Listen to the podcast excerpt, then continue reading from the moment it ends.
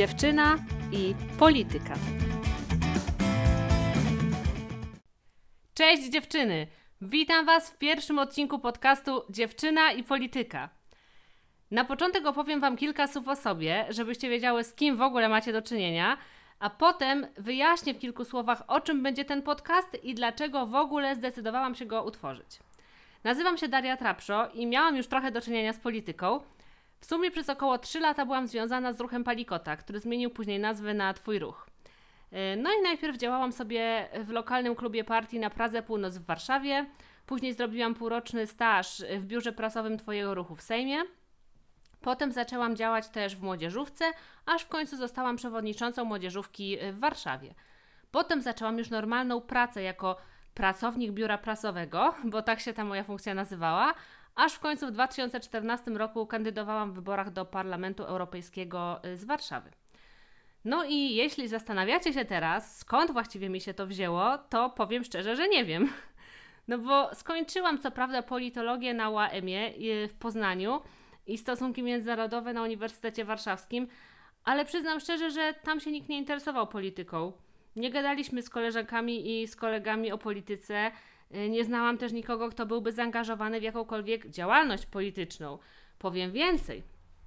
Wtedy to modny był wręcz taki Y, wiecie, lekko ironiczny dystans do polityki na zasadzie polityka to bagno, kogo to obchodzi, ja nie znajduję tam dla siebie nic ciekawego, ciągle tylko PiS i PO.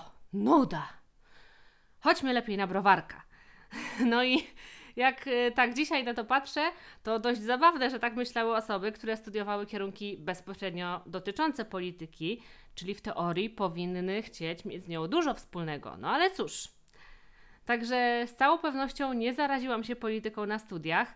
Wydaje mi się, że zaczęłam się nią interesować w liceum, kiedy zaczęłam przeglądać gazety, jakie były w domu, czyli Wprost i Newsweek. No i dodam, że mówimy o czasach mniej więcej 17 lat temu, więc to były zupełnie inne gazety niż dziś. Zresztą Wprost w wersji papierowej już nie istnieje. No i najpierw czytałam sobie taką satyryczną rubrykę, którą właśnie we Wprost prowadzili Robert Mazurek i Igor Zalewski. Prawie nic z tego nie rozumiałam, ale strasznie mi się podobało. No i to były takie jakby złośliwe rozmowy na temat bieżących wydarzeń politycznych. I żeby zrozumieć, o czym oni tak naprawdę piszą, zaczęłam czytać też inne artykuły i tak się zaczęło. Mówi się teraz, że jest cała generacja wychowanych na trójce, no to ja mogę o sobie powiedzieć, że ja jestem taka wychowana na wprost, na Newsweeku, a potem doszła jeszcze polityka, choć to już był cięższy kaliber dla zaawansowanych, że tak powiem. No i tymi zainteresowaniami muszę chyba wytłumaczyć taki, a nie inny wybór studiów.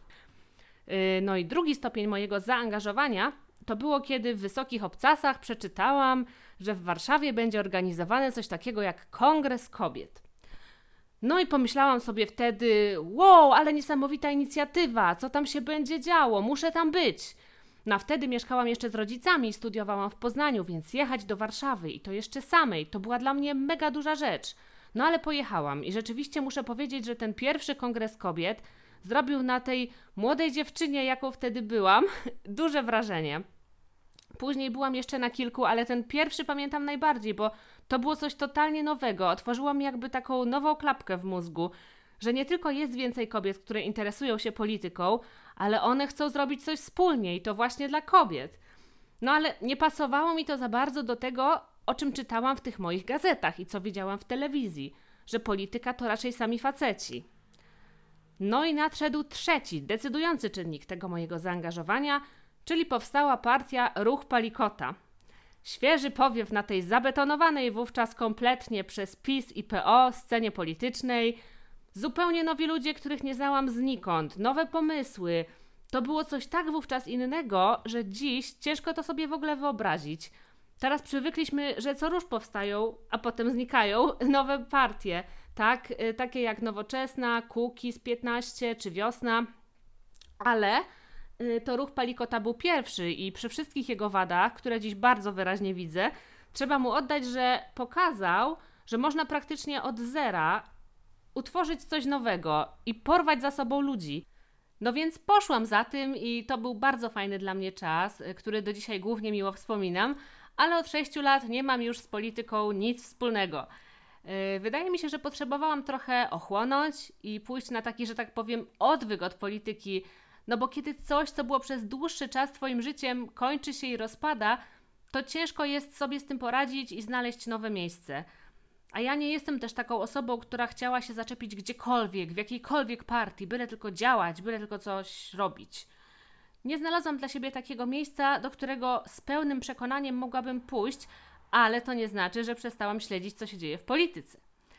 Wręcz przeciwnie, yy, w ogóle wydaje mi się, że te czasy, w których ja działałam, to było po prostu tańczenie za ręce na różowej łące z jednorożcami w porównaniu z tym, co zaczęło się dziać po 2015 roku.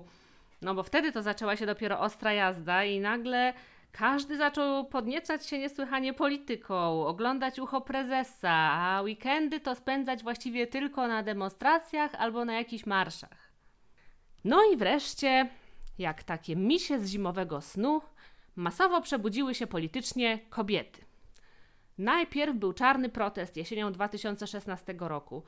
Ale co się stało z tymi wszystkimi dziewczynami przez minione 4 lata? Czy przekuły swój gniew w coś bardziej stałego? Zaczęły gdzieś działać, angażować się? No niestety nie, tamten kapitał kompletnie się rozmył i nic po nim nie zostało. Po niemal równo czterech latach w październiku 2020 roku znowu gruchnęło w mediach, że przewidywane są zmiany w prawie aborcyjnym, więc kobiety ponownie wyszły na ulicę i to w dużo większej skali niż w 2016. Tym razem protesty organizowano też w małych miasteczkach, trwały też dużo dłużej niż wcześniej, bo dobre kilka tygodni.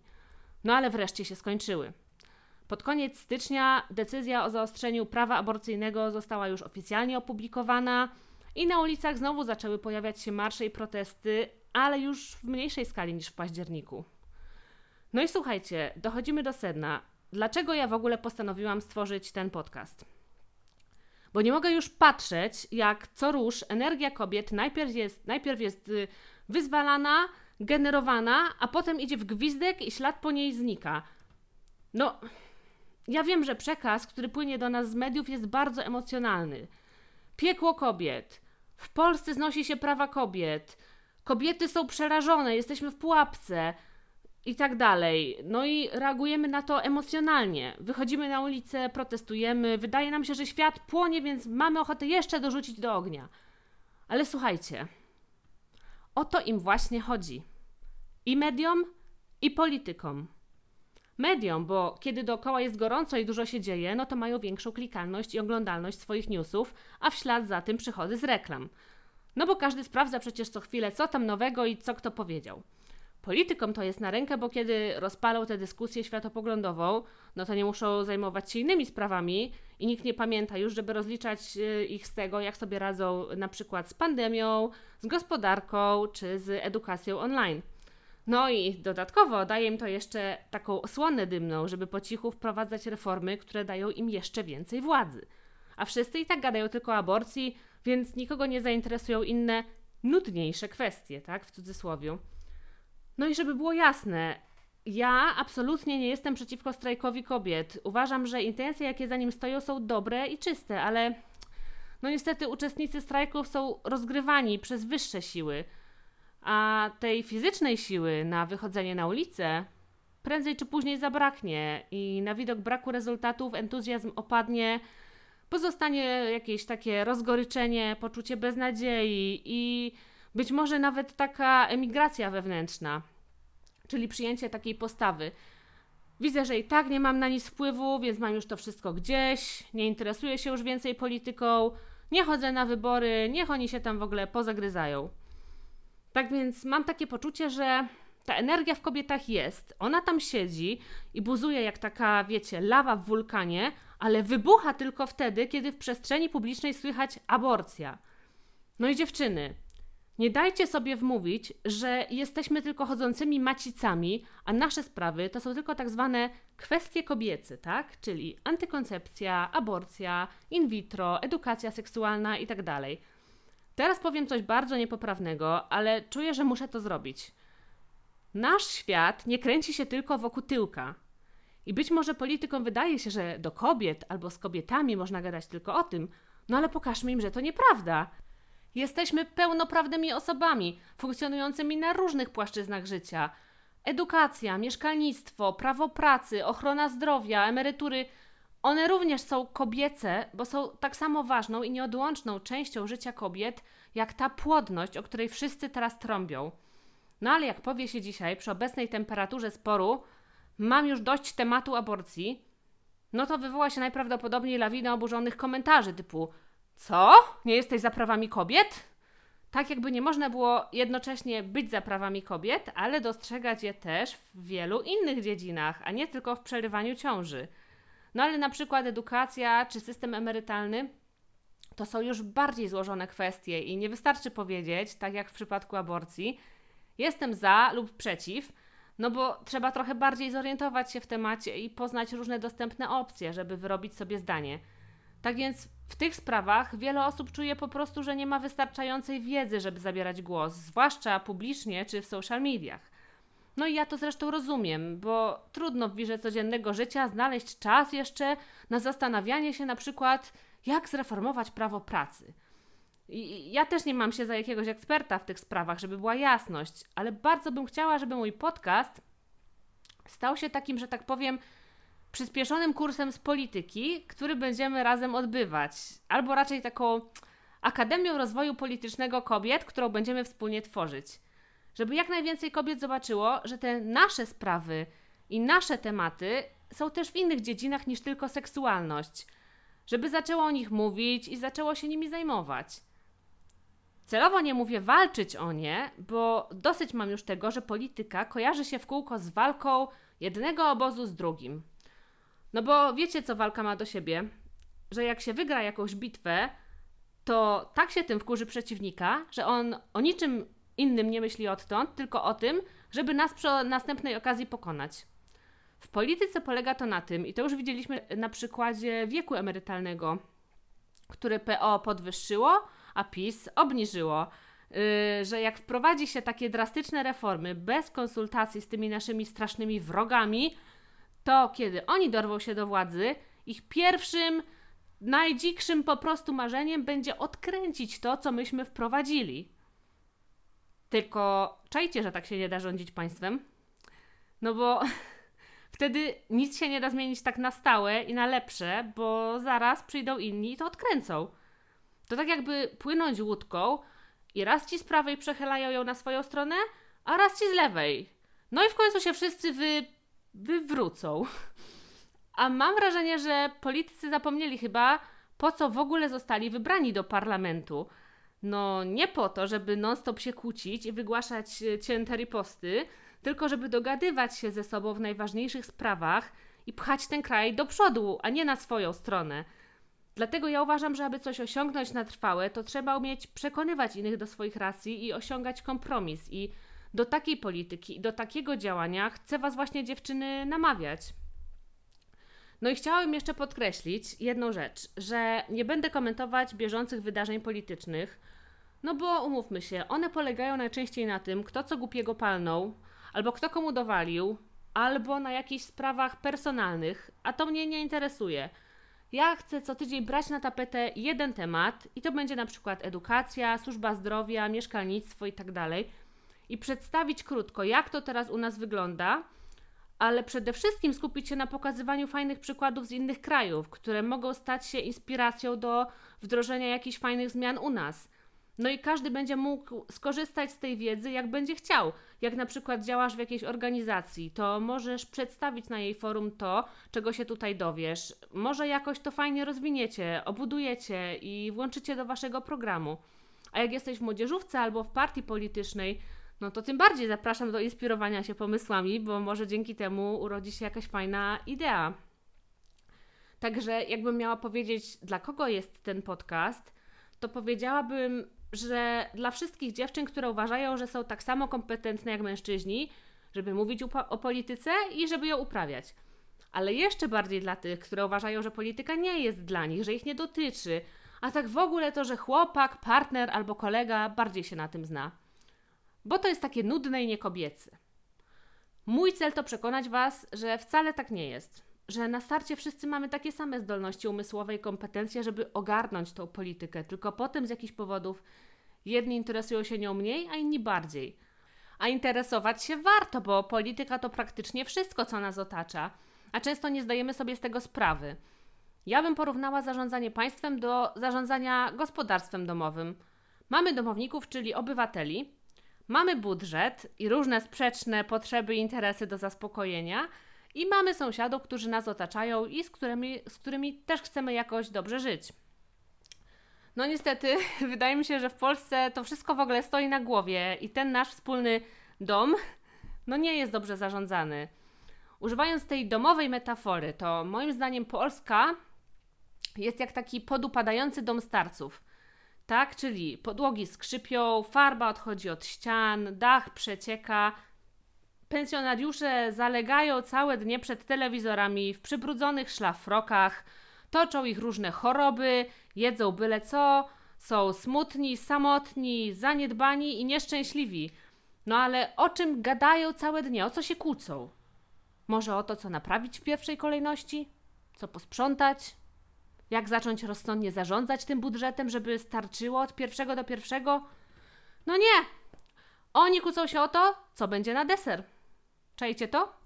Jest po prostu milion ważniejszych spraw do załatwienia. Jakby wszyscy razem usiedli i coś zaplanowali, to by w końcu poprawili tą swoją sytuację, ale nie. Oni wolą udawać, że te problemy nie istnieją. Dlaczego? No bo czują, że one ich przerastają, bo nie mają ani siły, ani umiejętności, żeby je rozwiązać. No i dlatego wytworzyli sobie taki problem zastępczy, czyli ten deser. No bo na to mają jakiś wpływ, tutaj czują się panami sytuacji. I to jest dla mnie właśnie metafora Polski. Zamiast zmierzyć się z największymi wyzwaniami, ciągle zajmujemy się tematami pobocznymi. No bo tak, spójrzcie, toczymy nierówną walkę z pandemią, yy, służba zdrowia ledwo zipie, przemęczeni i źle opłacani lekarze nie są w stanie zapewnić godnej opieki ogromnej liczbie pacjentów. Edukacja jest kompletnie niedostosowana do potrzeb rynku pracy i co roku tysiące młodych ludzi no boleśnie przekonuje się o tym, że ich dyplom jest nic nie warty, a ich rówieśnicy w Europie Zachodniej zarabiają kilka razy więcej. Do tego, jeśli na jakimś etapie życia, a dzieje się to teraz koło trzydziestki, yy, zaczniemy myśleć o zakupie własnego mieszkania, no bo nie można przecież w nieskończoność mieszkać z rodzicami albo wynajmować, bo rynek wynajmu w Polsce jest kompletnie nieuregulowany i wynajem jest bardzo drogi i na dłuższą metę nieopłacalny, ale to taka dygresja no to jedyną opcją jest kredyt hipoteczny na 30 lat, którego większość z nas i tak nie dostanie, bo pracujemy na umowach śmieciowych albo mamy zbyt niestabilną sytuację zawodową. Jeśli jakimś cudem się uda, to najpewniej ugrzęźniemy na jakichś 50 metrach, yy, a podkreślam to, bo to jest mało. Tak, mieszkania w Polsce na tle Europy są naprawdę małe i po prostu się ciśniemy. Yy, będziemy sobie mieszkać w takim jakimś bloku pod miastem, daleko od pracy, daleko od szkół i przedszkoli, spędzając codziennie jakieś minimum dwie godziny na dojazdach, oczywiście samochodem, bo transport publiczny nie jest dostatecznie rozwinięty. A kiedy w naszym życiu nastanie kolejny etap i zechcemy mieć dzieci, no to okaże się, że nie ma dla nich miejsca w żłobkach i przedszkolach, więc albo będziemy wydawać jakieś 1000 zł miesięcznie na nianie, jeśli nas stać, albo zatrudnimy w tym charakterze nieodpłatnie własną matkę lub teściową, dla których starość to niestety najczęściej właśnie niańczenie wnuków i dreptanie od apteki do lekarza i do kościoła. No i również, co podkreślam, to nie jest i nie powinien być standard, bo w innych krajach europejskich seniorzy żyją naprawdę dużo lepiej niż w Polsce i mają własne pasje, znajomych, spotykają się, wychodzą z domu, ale to tylko taka dygresja. No więc te biedne babcie pełnią rolę darmowych niań, aż do momentu, kiedy poważnie nie zachorują albo nie zaczną potrzebować naszej opieki. Niestety, no, rynek opieki nad seniorami w Polsce jest praktycznie całkowicie sprywatyzowany i bardzo drogi, więc starzejący się rodzice wylądują prędzej czy później u nas lub też będziemy opiekować się nimi z doskoku, nie licząc na żadną pomoc z żadnej strony. Nie wspominając o tym, że sami prędzej czy później się wykończymy, chociażby oddychając tym naszym wspaniałym powietrzem. Bo nie wiem, czy wiecie, ale spośród 100 miast z najbardziej zanieczyszczonym powietrzem w Europie, aż 29 znajduje się w Polsce, jak wynika z raportu szwajcarskiej platformy monitoringu powietrza IQR. I to są dane z marca 2020. No i to zanieczyszczenie mierzy się obecnością w powietrzu tak zwanego pyłu zawieszonego, czyli takiego syfu, którego wdychanie powoduje na przykład astmę, raka płuc, choroby serca, zawały czy choroby dróg oddechowych. No i Polska autentycznie znajduje się w czołówce krajów z najgorszym powietrzem. Na 37 europejskich państw zajmujemy dziesiąte miejsce.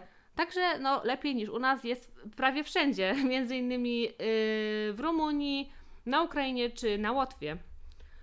No i muszę doprecyzować jeszcze jedną rzecz, a mianowicie, yy, dlaczego umieściłam akcję tej mojej metaforycznej Polski w domu starców. No bo słuchajcie, nadciąga nad nas, jak taka wielka czarna chmura, ogromny kryzys demograficzny. Jak wpiszecie sobie w Google Polska kryzys demograficzny, to zobaczycie, ile jest artykułów na ten temat, także polecam, poczytajcie sobie o tym. Na czym to będzie polegało? No więc z roku na rok będzie coraz więcej ludzi w wieku emerytalnym, a coraz mniej w wieku produkcyjnym, czyli 15-64 lata. Zgodnie z prognozami Głównego Urzędu Statystycznego w 2050 roku liczba ludności Polski wyniesie 33 miliony 951 tysięcy i w porównaniu do stanu na rok 2013 oznacza to zmniejszenie liczby ludności o 4,5 miliona, czyli aż o 12%. Osoby powyżej 65 roku życia y, będą w 2050 roku stanowiły aż 31,5% społeczeństwa dla porównania teraz stanowią 21,9% y, liczby ludności, także no dużo, dużo mniej. Największe zmiany mają zadziać się do 2031 roku, czyli zgadnijcie, kto najbardziej je odczuje i kto będzie płacił na emerytury tej rosnącej armii starszych ludzi y, ze swoich podatków. No i to są realne, najpoważniejsze problemy, z którymi powinni się mierzyć politycy. No i wracając do tej naszej metafory – co w skali Polski zastępuje ten deser w domu starców, o który się wszyscy kłócili? Sprawy światopoglądowe. Małżeństwo osób tej samej płci i prawo do adopcji przez nie dzieci, yy, aborcja, dostępność antykoncepcji, a szczególnie pigułki dzień po, edukacja seksualna w szkołach lub raczej jej brak, yy, in vitro, żeńskie końcówki, huczne obchody jednych rocznic i czczenie jednych bohaterów, a pomijanie innych, zakazywanie marszów, przekazywanie ogromnych ilości pieniędzy na prywatną telewizję prowadzoną przez jakiegoś księdza, kolejne afery w Kościele katolickim i komentowanie ich przez wszystkich polityków od prawa do lewa. I nie zrozumcie mnie źle, ja naprawdę nie mam absolutnie nic przeciwko małżeństwom osób tej samej płci. Wręcz przeciwnie, bardzo kibicuję temu, żeby one były wreszcie legalne. Tak samo z aborcją. Jestem jak najbardziej za tym, żeby ona była dostępna na życzenie w publicznych szpitalach i w bezpiecznych warunkach. Ale to nie są sprawy w tym momencie najważniejsze dla naszego państwa. I sorry, ja wiem, że mogę podpaść tym wielu osobom, ale taka jest prawda. Są sprawy ważne i ważniejsze, i sprawy światopoglądowe należą do tej pierwszej kategorii. Są ważne, ale nie są najważniejsze. I tak jak mówiłam, ja zajmowałam się polityką już jakiś czas temu, Zaczęłam w 2011 roku i dobrze pamiętam, y, że już wtedy polityka polegała na kłóceniu się właśnie o te sprawy światopoglądowe. No przecież my już wtedy dyskutowaliśmy głównie o edukacji seksualnej, o ewentualnej legalizacji marihuany, o pozycji Kościoła katolickiego w Polsce. No i zobaczcie, czy coś się w tych tematach zmieniło do dnia dzisiejszego? Minęło 9 lat, a tak naprawdę tyle czasu zostało zmarnowane na te kłótnie światopoglądowe, z których nic nie wynika. A jest tyle ważnych kwestii, o których wspomniałam powyżej.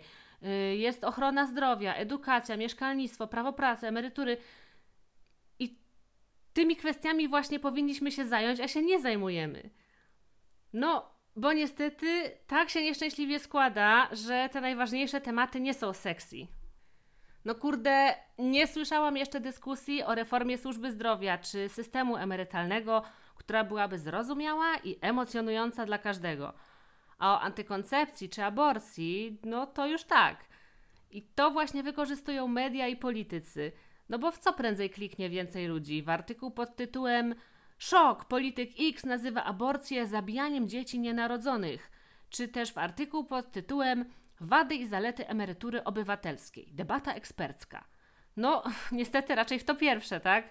Yy, I w programach telewizyjnych jest zresztą tak samo, bo im dłużej i goręcej politycy będą się naparzać na jakiś temat, tym dłużej widzowie z ciekawości, kto wygra, będą oglądać dany program i zyski z reklam będą większe. A politycy to są jeszcze dodatkowo specjalnie podjudzani, podpuszczani przez dziennikarzy, żeby kogoś oczernić, powiedzieć coś kontrowersyjnego, a w ogóle to najlepiej stracić panowanie nad sobą. No i przyznam szczerze, że ja też kiedyś myślałam, że polityka polega na kłóceniu się w studiu telewizyjnym o in vitro, o aborcję albo o to, czy powstanie warszawskie miało sens. I to robiłam. Jako młodzieżówka naszej partii regularnie chodziliśmy do różnych programów publicystycznych, które zapraszały najbardziej kontrowersyjnych albo różniących się od siebie polityków i liczyły na jakąś mega kłótnię, którą oni wywołają. My jeszcze dodatkowo z widowni y, zaszczujemy ich pytaniami i oni tam po prostu dostaną szału na wizji. I jak dzisiaj na to patrzę, to myślę sobie, że takie programy przynoszą więcej szkody niż pożytku bo pokazują politykę jako takie jakieś igrzyska śmierci i wielu ludzi to brzydzi albo denerwuje i nie chcą mieć z tym nic wspólnego. A sami politycy nie wynoszą z takiej dyskusji nic konstruktywnego, bo chodzi tylko o to, kto kogo zaora albo kto kogo zmasakruje, a moim zdaniem dobrze by było, żeby ci nasi wybrańcy narodu podnosili standard debaty publicznej, a nie go obniżali. No i żeby w ogóle spotykali się w tym, w tym studio po coś. No i dodatkowo, zapraszając młodzieżówki do uczestnictwa w tym, uczy się tych młodych ludzi, tych przestarzałych wzorców, żeby rzucać się sobie do gardeł zamiast współpracować. I mamy potem sporo takich młodych, starych, wiecie, w dopasowanych garniturkach, którzy co drugie słowo mówią: Ja panu nie przerywałem, chociaż y, tak naprawdę to przerywali. No i tworzy się w ten sposób kolejne pokolenie polityków, którzy potem, jak trafią do Sejmu, to nie potrafią dogadać się w żadnej sprawie i w kółko tylko robią sobie na złość. No i ja wierzę, że inna polityka jest możliwa, ale żeby ją zmienić, to trzeba działać krok po kroczku. Po pierwsze, jak najwięcej osób musi przejrzeć na oczy i zrozumieć, że media i politycy fundują nam kabaret, a prawdziwe problemy leżą gdzie indziej.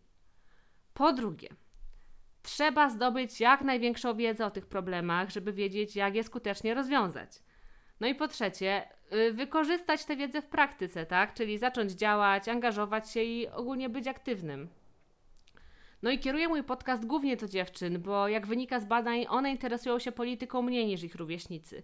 I chcę to zmienić, bo uważam, że w młodych kobietach jest olbrzymi niewykorzystany potencjał i po prostu nie możemy pozwolić sobie na to, żeby się zmarnował. No i w następnym odcinku przyjrzę się temu trochę bardziej. Y, zebrałam dla Was bardzo dużo ciekawych danych, które pokazują, jak wygląda zainteresowanie polityką kobiet w porównaniu do mężczyzn. Kogo kobiety i mężczyźni uważają za autorytety w dziedzinie polityki, y, z kim chcą o niej rozmawiać. Y, przyjrzę się też temu, jak wygląda zaangażowanie polityczne kobiet w Polsce i w Europie ile kobiet jest w Sejmie, w Senacie, w partiach politycznych i czy jesteśmy w tej dziedzinie w szarym ogonie Europy, czy też może nie. Yy, wspomnę też o ważnej roli mediów w kreowaniu polityki i przyjrzymy się temu, jak często kobiety politycy goszczą w programach publicystycznych, jak media opisują działaczki polityczne. Przedstawię Wam też moją teorię, dlaczego tak się dzieje, że dziewczyny mniej interesują się polityką niż chłopacy i kto jest za to odpowiedzialny. No i wreszcie zastanowimy się, jak zachęcić dziewczyny, żeby bardziej się angażowały. Ale tak jak wspominałam wcześniej, chcę ten podcast tworzyć razem z Wami, bo to ma być taka platforma wymiany myśli i doświadczeń. Dlatego napiszcie mi proszę kilka słów o sobie. Y, mój adres mailowy to wszystko małymi literkami i pisane łącznie. Dziewczyna i polityka małpa gmail.com no bo słuchajcie, bardzo bym chciała dowiedzieć się, kto mnie w ogóle słucha, kim jesteście, jaki jest, jaki jest Wasz stosunek do polityki, czy już kiedyś działałyście, yy, czy coś robiłyście, a jeśli nie, no to co Was powstrzymywało? A może już jesteście jakimiś aktywnymi działaczkami i chcecie podzielić się swoimi przemyśleniami na temat tego, yy, co można poprawić, co można zmienić, żeby zachęcić dziewczyny do zapisywania się do partii czy do różnych organizacji. Y, no więc słuchajcie, czekam na Wasze listy, przeczytam je wszystkie i postaram się jak najwięcej z nich włączyć do kolejnego odcinka i się do nich jakoś ustosunkować. Tymczasem ja bardzo dziękuję Wam za uwagę. Mam nadzieję, że ten pierwszy odcinek mojego podcastu się Wam spodobał. A jeśli tak, to mam taką małą prośbę. Podeślijcie proszę link do tego odcinka innej dziewczynie y, z waszego otoczenia. I to może być koleżanka, siostra, mama albo ktokolwiek, kogo yy, ulubicie i kogo uważacie za ważną osobę w waszym życiu. Niech jak najwięcej kobiet dołączy do tej naszej społeczności i buduje grupę aktywnych, świadomych dziewczyn. A my słyszymy się równo za tydzień we wtorek o godzinie 8 rano. Do usłyszenia. Bądź poinformowana. Interesuj się. Cześć!